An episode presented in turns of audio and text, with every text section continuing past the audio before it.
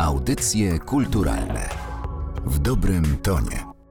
Dzień dobry Państwu, Anna Karna. Witam w audycjach kulturalnych. Trwa 48. Festiwal Polskich Filmów Fabularnych w Gdyni. Wśród filmów konkursu głównego znalazł się obraz pod tytułem Kos w reżyserii Pawła Maślone. Reżyser jest dziś naszym gościem. Dzień dobry, witam Cię.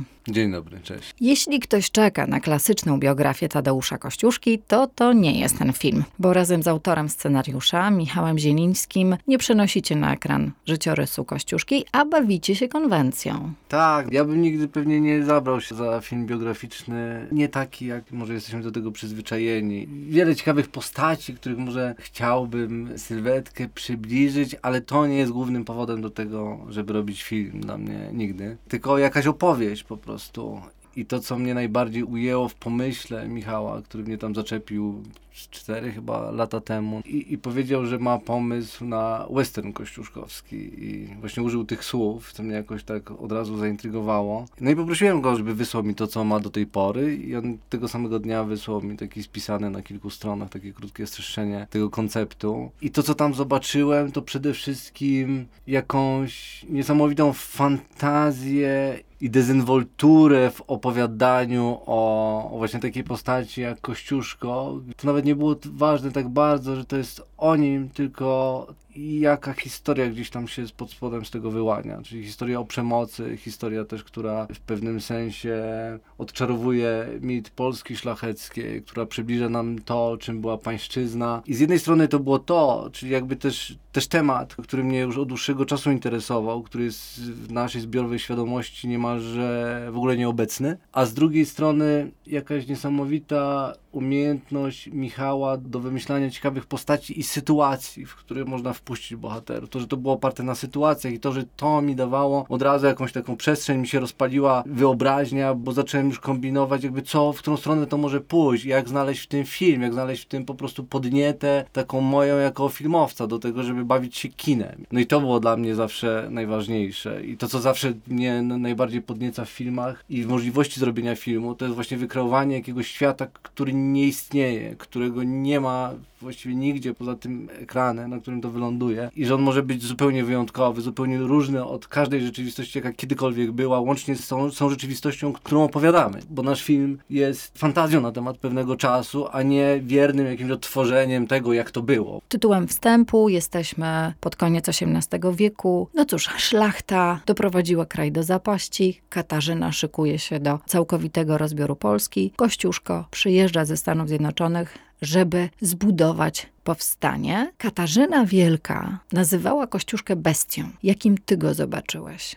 Hmm, to jest ciekawe. Ten obraz Kościuszki dla mnie zmieniał się na przestrzeni tego filmu. Najpierw to było dla mnie poznanie samej sylwetki Kościuszki, bo ja nie licząc jakichś takich paru faktów, które gdzieś tam pamiętam ze szkoły, to szczerze mówiąc niewiele wiedziałem o tym człowieku. Dopiero jak sobie poczytałem więcej, dowiedziałem się o, o całej tej jego karierze wielkiej w Stanach Zjednoczonych, jako wojskowego, jako dowódcy, jako człowieka, który zaprojektował Fort West Point i który zrobił jakąś niesamowitą karierę tam, ale mało tego, to jest w ogóle niesamowita postać, bardzo romantyczna też. Bo on wyjechał do Stanów przede wszystkim dlatego, że był jakoś tam zabójczo zakochany y, w kobiecie, której nie mógł poślubić, bo nie miał wystarczającego majątku, jej ojciec się na to nie zgadzał, więc oni razem zaplanowali ucieczkę, która została jakoś tam powstrzymana i on w zasadzie był w takiej sytuacji, że on trochę musiał wyjechać z kraju, bo tutaj nie miał możliwości rozwoju i wiedział o tym, że właśnie Amerykanie, że tam zaczyna się wojna o niepodległość i tam znalazł swoje miejsce. I szybko okazało się, że jest nie tylko niesamowitym strategiem i świetnym y, przywódcą, co też szybko na jaw wyszło, że on jest zagorzałym abolicjonistą i w ogóle takim niesamowicie światłym i postępowym umysłem, jak na tamte czasy.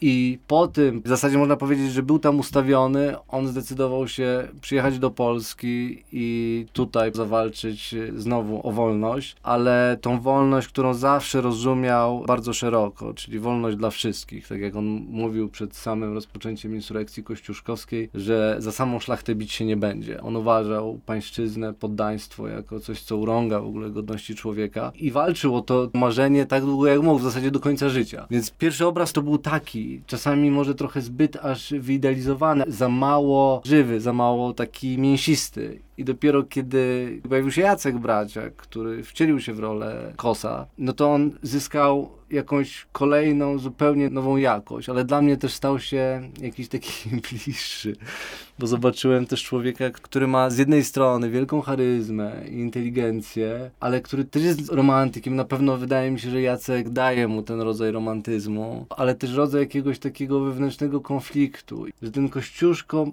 pod spodem ma też świadomość, że to może być różnie. On też wie, w czym uczestniczy. On jest na tyle mądry, że on wie, że to może być różnie i się zastanawia, czy też jego czyny może nie będą miały jeszcze gorszych konsekwencji, ale czuje z drugiej strony, że nie ma wyjścia. Mam wrażenie, ma ten rodzaj tragizmu, który tak naprawdę zobaczyłem dopiero, kiedy Jacek się wcielił w jego rolę. Bo Jacek to ma i on jest podobny też do, do samego Kościuszki w tym wieku. To jest ciekawe, bo większość osób ma wyobrażenie Kościuszki z czasu, kiedy on tam miał 30 parę lat. I zwykle ludzie właśnie widzą tę twarz, kiedy myślą o Kościuszce, podczas gdy, kiedy zaczynała się insurekcja kościuszkowska, to on miał koło 50. Czy on był generalnie mniej więcej dokładnie w tym miejscu, w którym jest Jacek. 48 lat chyba miał. Choć Kościuszko jest centralną postacią filmu, to oglądamy również pewną intrygę w historii Ignaca, chłopa, niewolnika. Do czego postać Ignaca była wam w tej historii potrzebna. To był w ogóle dla mnie główny powód, dlaczego warto zrobić ten film. To jest to, że Michał w tym już streszczeniu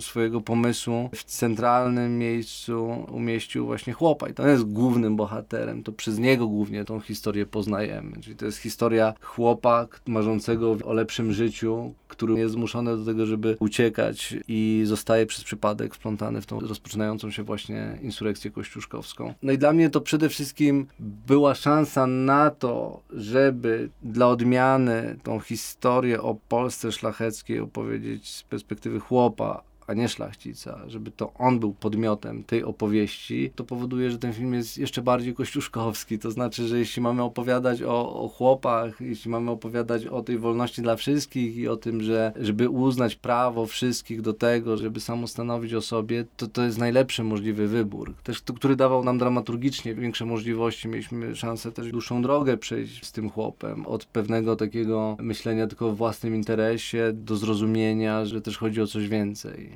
w tej roli Bartosz Bielenia. No Bartek jest wspaniałym aktorem, który też od początku właściwie, odkąd go tylko wybraliśmy, on stał się takim też dobrym duchem tego filmu. On był stuprocentowo zaangażowany, bardzo się przygotowywał długo do tej roli, sam zabiegał też o to, żeby odpowiednio schudnąć, żeby nauczyć się jeździć konno, żeby przygotować maksymalnie dobrze te wszystkie sekwencje walki i dużo gadaliśmy też o samym tekście, który też ewoluował. Bartek też miał dużo takich pomysłów, które później znalazły się na ekranie. No nie Bartek to, no to było takie ogromne wsparcie i takie wspaniałe też spotkanie e, ludzkie. Ale kontekst tego filmu jest znacznie szerszy, bo mówiąc o wolności, opowiadając o niewolnictwie, wprowadzacie czarnoskórego bohatera i to jest właściwie postać zaczerpnięta z historii. Tak, rzeczywiście Kościuszko e, wrócił do Polski w towarzystwie swojego czarnoskórego adiutanta, który przeżył z nim całą e, insurekcję. Niewiele wiemy o ich prawdziwej relacji, co to było, więc to, co widzimy na ekranie, to jest oczywiście nasza fantazja na temat tej relacji. Natomiast to, co robi postać tego czarnego, byłego niewolnika, który teraz e, towarzyszy Kościuszce, to dla mnie było coś, co stanowi jakiś takim geniuszu pewnym Michała, żeby opowiedzieć o pańszczyźnie i spróbować zmierzyć się z tym, co to tak naprawdę było. Wystarczy zobaczyć na ekranie tego czarnego byłego niewolnika w towarzystwie naszego chłopa i w głowie widza automatycznie samo pojawia się pytanie, a to jaka jest różnica? My nie musimy o tym opowiadać, my nie musimy tego pytania zadawać wprost w filmie. Nie zdradzając za dużo, możemy powiedzieć, że jest taka scena, kiedy Ignac i Domingo Lapier, bo tak się nazywa ten mhm. bohater, zdejmują koszulę. Mhm. I to jest taka opowieść, która pokazuje, że ta przemoc może dziać się po prostu wszędzie. Niezależnie od tego, w jakim jesteśmy wieku, jakiego jesteśmy koloru, płci, jakie mamy warunki itd., tak itd. Tak, tak. I chyba y, to, co jest ciekawe, to to jest to, że my mamy pewne wyobrażenie na temat niewolnictwa, które znamy właśnie albo z rzeczywistości Stanów Zjednoczonych, albo w ogóle starożytności. A w tym wypadku i w całej tej rozmowie na temat pańszczyzny i tych kar cielesnych i wszystkiego, z czym to się wiązało, łącznie z czasami też zabijaniem tych chłopów bezkarnym, no pojawia się naturalnie pytanie, no to się inaczej nazywa, my się przyzwyczailiśmy do tego, że to ma jakąś w ogóle inną nazwę, ale na czym polega ta jakościowa różnica? Co to znaczyło być chłopem w tej wspaniałej Polsce szlacheckiej, o której myślimy z taką dozą właśnie takiego ogromnego romantyzmu, czasami jakiegoś takiego sentymentu, a że to wtedy byliśmy tak silni. I co to znaczy to my w ogóle, nie? Dla mnie to też było tak bliski cały ten film i on jest jakąś taką wspaniałą przygodą, bo, bo ja pamiętam jak sam ja byłem wychowany na tej naszej mitologii i takim przekonaniu, że my wszyscy jesteśmy potomkami tych szlachciców, którzy mhm. tam po prostu mają te dworki i tak dalej. Podczas gdy to jest jakieś takie wielkie kłamstwo, które mam wrażenie, że wszyscy trochę uwierzyliśmy i może teraz zaczynamy trochę z tej iluzji powoli wychodzić i zdajemy sobie sprawę z tego, że naszymi przodkami są ci chłopi właśnie. Kościuszko był chyba pierwszym przywódcą, który publicznie docenił wysiłek wojskowy kobiet i takie też silne kobiety w Kosie widzimy. Tak, no to była dla mnie jakaś osobna, osobny motyw gdzieś w tym filmie. Ten film w dużej mierze jest taką też historią o dojrzewaniu do buntu. Chciałem bardzo mieć tam postać kobiecą, którą właśnie zagrała Agnieszka Grochowska. To jest ciekawe, bo mam wrażenie, że to, co opowiadamy w tym filmie, to jest też w pewnej mierze taki konflikt między tym, co nie akceptuje i pogardza wszystkim, co miękkie i co wrażliwe, i z drugiej strony tą prawdziwą siłą, która to potrafi uwzględnić i która staje w tego obronie. I mam wrażenie, że w największej mierze ten konflikt się wyraża w zderzeniu tych postaci Kosa i rotmistrza Dunina.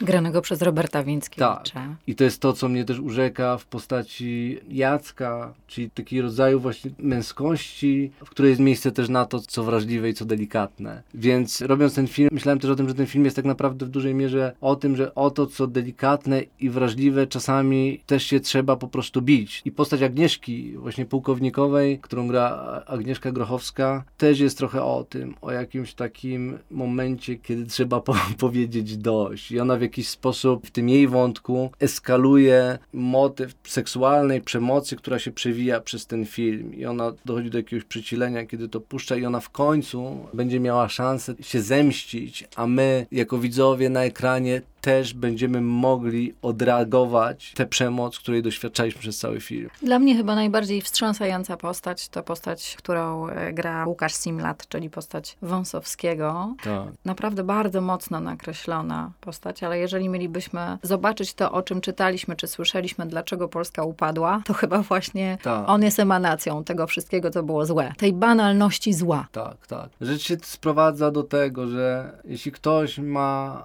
niemalże nieograniczoną władzę nad nami, no to wtedy najważniejsze pytanie, jakie się pojawia, to jest, co to jest za człowiek. Jeśli ten człowiek jest potworem, a tak się zdarzało, to rzeczywistość ludzi, którzy żyli w tym poddaństwie, w podporządkowaniu, stawała się piekłem. I na tym mi zależało, żeby to pokazać i wspomniałeś o tym wątku Wąsowskiego, którego gra Łukasz, który w pewnym sensie był dla mnie najważniejszy. To znaczy tam jest scena która jest właśnie takim rodzajem banalnej, zwyczajnej potworności. To była w pewnym sensie dla mnie najważniejsza scena filmu właśnie, która miała pokazać, czym to może być. Jestem strasznie zadowolony z tego, co udało się zrobić z Łukaszem, ale też z Magdą Mali, aktorką, która też tam występuje w tej scenie i Michałem Balickim, też młodym aktorem, który też się wcielił w rolę chłopa. Tam myślę, że ten film najbardziej wychodzi z pewnej konwencji i dotyka sedna tego, o czym opowiadamy. Tam jest chyba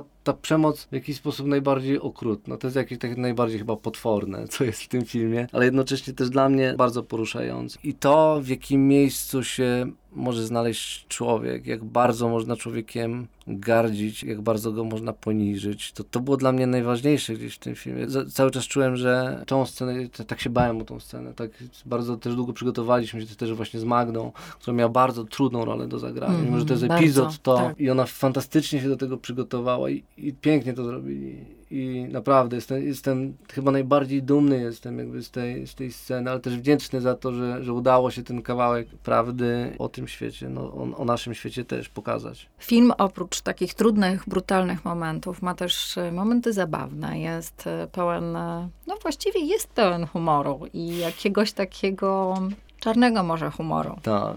Może tak powinnam tak. powiedzieć. To nie jest taki tak. oczywisty śmiech. Nie, tak. nie heheszkujemy się tak, tak. patrząc no. na to, ale on ma bardzo różne barwy. O Kosie mówi się, że takiego kina historycznego w Polsce jeszcze nie było. Co dla ciebie jest najbardziej właśnie takie wyróżniające ten film? To chyba jest też coś takiego, co myślę ja też mam w sobie i czego tak intuicyjnie szukam w kinie czasami. Dlatego bardziej przełamania. Dobrze, dobrze powiedzieć o tym czarnym humorze, bo mnie chyba do tego mi jest najbliżej i lubię jakoś tak się tym bawić i, i czasami obserwować, że bo w tym filmie też są takie sceny, które są straszne i, i śmieszne jednocześnie. Ja, ja gdzieś to lubię. To jest na pewno film trochę międzygatunkowy. Po części jest to kino zemsty, ale to jest też trochę kino przygodowe w tym jest coś czasami właśnie z jakiejś czarnej komedii. To jest też na pewno film akcji. Western I, kościuszkowski? Tak, ta, tak. Jest, jest, na pewno tam trochę western, trochę może anty-westernu. Interesowało mnie w ogóle jakby, żeby próbować właśnie to stylizować na western. Ja bym nie powiedział, że to jest western, bo jednocześnie mam poczucie, że on jest bardzo taki nasz, słowiański, bardzo polski w naszym takim, tej perspektywie i w doświadczaniu rzeczywistości i pewnych tych tropów i tych mitów, którymi żyjemy. I do tego wszystkiego jeszcze Mikołaj Trzaska napisał wspaniałą muzykę, która jest z jednej strony mocno oddaje, opowiada przemoc, który jest tam bardzo bardzo dużo, ale z drugiej strony ma też w sobie jakieś takie nawiązania do starego polskiego kina. Ten film jest trochę też sentymentalny, ale jest w nim też odrobina patosu. I przedziwne to jest dla mnie połączenie. Ja dopiero, wiesz, teraz ten film poznaję, znaczy zaczynam łapać do niego dystans, bo dopiero go ukończyłem tak naprawdę. I teraz jak na niego patrzę, to dopiero tak trochę rozpoznaję tę formę, co to jest. To jest bardzo ciekawe, nawet dla mnie to jest ciekawe, ten taki miszmasz, który powstał, ale który też mam wrażenie jest jakąś w pewnym sensie moim naturalnym kolejnym krokiem i z perspektywy czasu myślę, że też też łatwiej będzie zobaczyć y, ten film jako też część mojej poetyki, której cały czas szukam, myślę, i którą cały czas dla siebie też odkrywam.